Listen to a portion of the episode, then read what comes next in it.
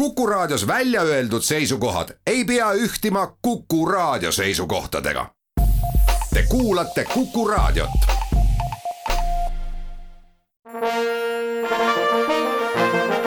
Vanemuise veerand. tere kõigile raadiokuulajatele. seekord on saates külas Vanemuise draamajuht. tere, Tiit Palu. tervist mina olen saatejuht Tiia Rööp. ma tean, et vanemuislastel on armas komme hooaja alguses soovida head uut aastat. Mina ei ole küll vanemuislane, aga ma võtan endale selle julguse, õiguse soovida sulle head uut aastat. head uut aastat äh, sullegi ja kõigile kuulajatele, teatrisõpradele. me räägime uuest draamahooajast, aga kuna ühte väikesse saatesse ei mahu ära kõik see, mis toimub terve hooaja jooksul, siis ma teen ettepaneku, et piirdume sügishooajaga. teeme nii aastavahetusest üle ei lähe. esimene asi, ma tean, et Vanemuise draamatrupiga liitub kuus noort uut näitlejat. See vastab tõele. viimati tuli Vanemuisesse palju noori inimesi juurde kahe tuhande neljateistkümnendal aastal, siis oli ühelt kursuselt seitse noort uut näitlejat. praegu selle kuue hulgast viis inimest on lavaka kahekümne üheksandast lennust ja lisaks siis Saara Nüganen Endla teatrist jah, võib-olla kõigepealt peaks ütlema seda, et äh, meie trupp ei suurene äh, mitte kuue inimese võrra, vaid äh, me siis täidame neid kohti, mis meil aja jooksul on tekkinud.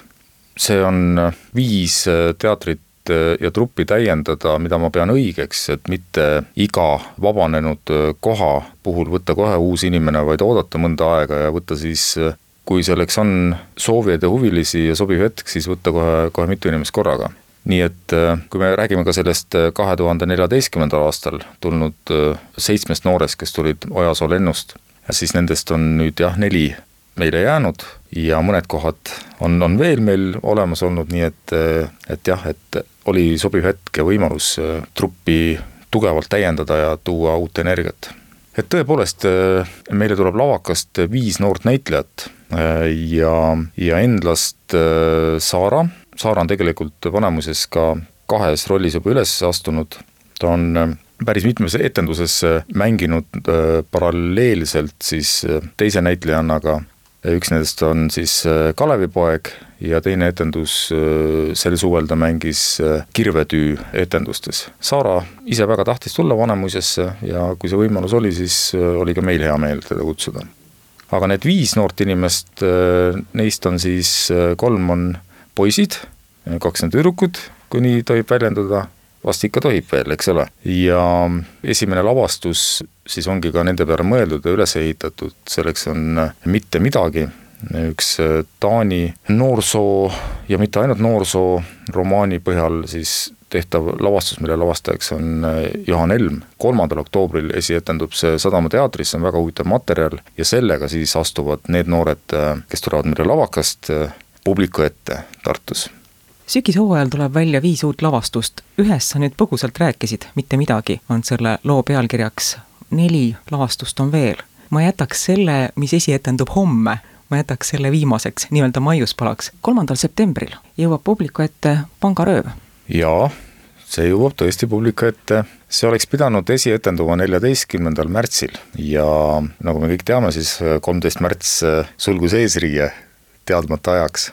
ja kui ta nüüd avaneb, siis on seal toimunud ka mõned muutused, ikka rõõmsatel põhjustel, mõni naisnäitleja on jäänud koduseks mõneks ajaks ja, ja tema asemel on siis tulnud teine ja samuti on lisandunud truppi ka Sepo Seeman. seda praegu siis turgutatakse, see on väga keeruline tükk situatsiooniga mööda, tohutult palju mm, liikumisi, kohandumisi laval, väga kirju, uhke, võimas äh, tulevärk, Äh, mis seal laval käib, selle proovid praegu käivad ja tõepoolest kolmandal septembril tuleb see välja, saagu mis saab.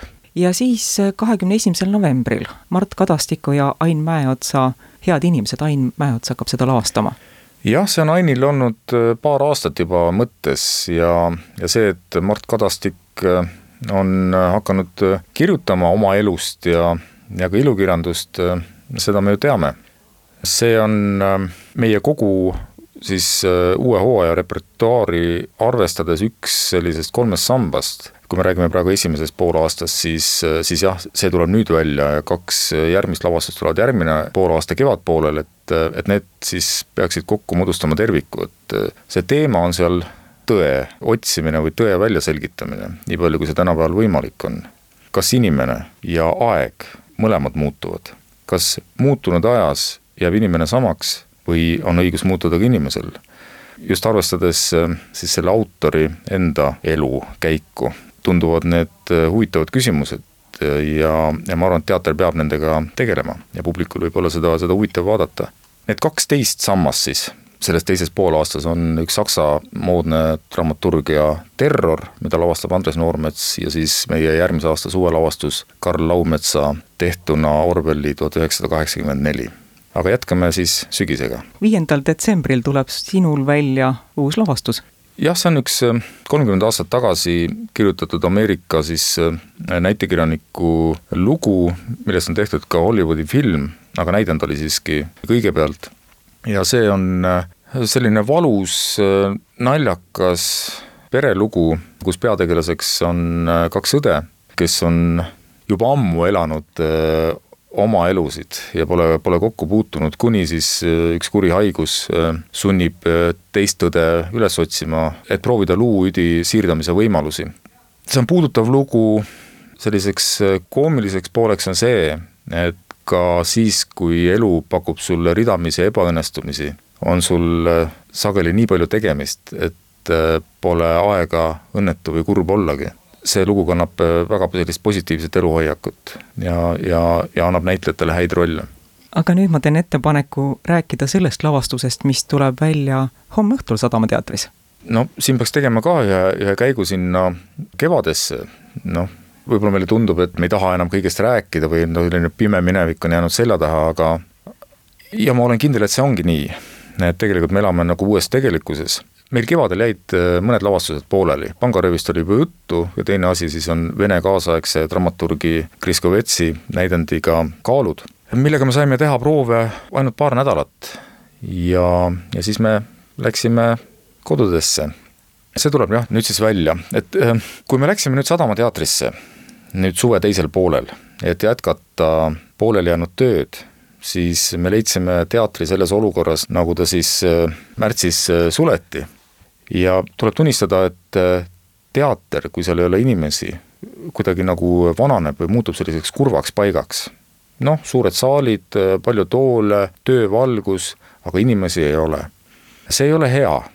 hea on see, kui on prožektori valgus, kui on äh, häälekõma, kui on inimesi, kui tuleb kohvikust kohvi ja, ja konjaki ja tordilõhna ja seda me nüüd püüame sinna siis tagasi tuua ja tundub, et et äh, ka see materjal on selleks äh, sobilik. see on äh, imearmas lugu, mis meid, truppi, on ka väga liigutanud ja hoidnud sellise nagu õige, õige olemise peal. lugu on väga lihtne, on üks öö, neli meest erinevatel põhjustel on tulnud sünnitusmajja, kus siis naised seal kuskil taga teevad omi tegemisi ja mehed veedavad selle öö koos. Nad ei tunne üksteist, nad õpivad siis äh, tundma ennast natuke paremini, nad räägivad üksteisele lugusid ja kui on hommik käes, siis on ka vahepeal midagi juhtunud. see on üdini selline positiivne lugu. mina küll tahan, et elu olekski selline. Nende tegelaste lood siis ei ole kerged, aga selline noh, sõprus või, või, või inimlik lähedus, mis seal tekib, ei jäta kahtlustki, et äh, elul on mõte. vot selline väga lihtne, ilus, liigutav lugu. Kriskovets on Vene dramaturgias või Vene teatris superstaar. teda on ka Eestis, tema tekste on mitu korda tehtud, ta ise on käinud Eestis mängimas, ta Tallinnas mängib kõige suuremates saalides. monolavastusi, ta käib tihti Eestis ja ta on suur Eesti sõber. kaalud on siis üks tema viimaseid äh, näidendeid, mille ta ise lavastas Moskva kunstiteatris, mis on siis Moskva juhtiv teater ja meie lavastus on esimene siis väljaspool Venemaad sellest äh, ei olegi vaja rohkem rääkida, et, et äh, tuleb tulla teatrisse?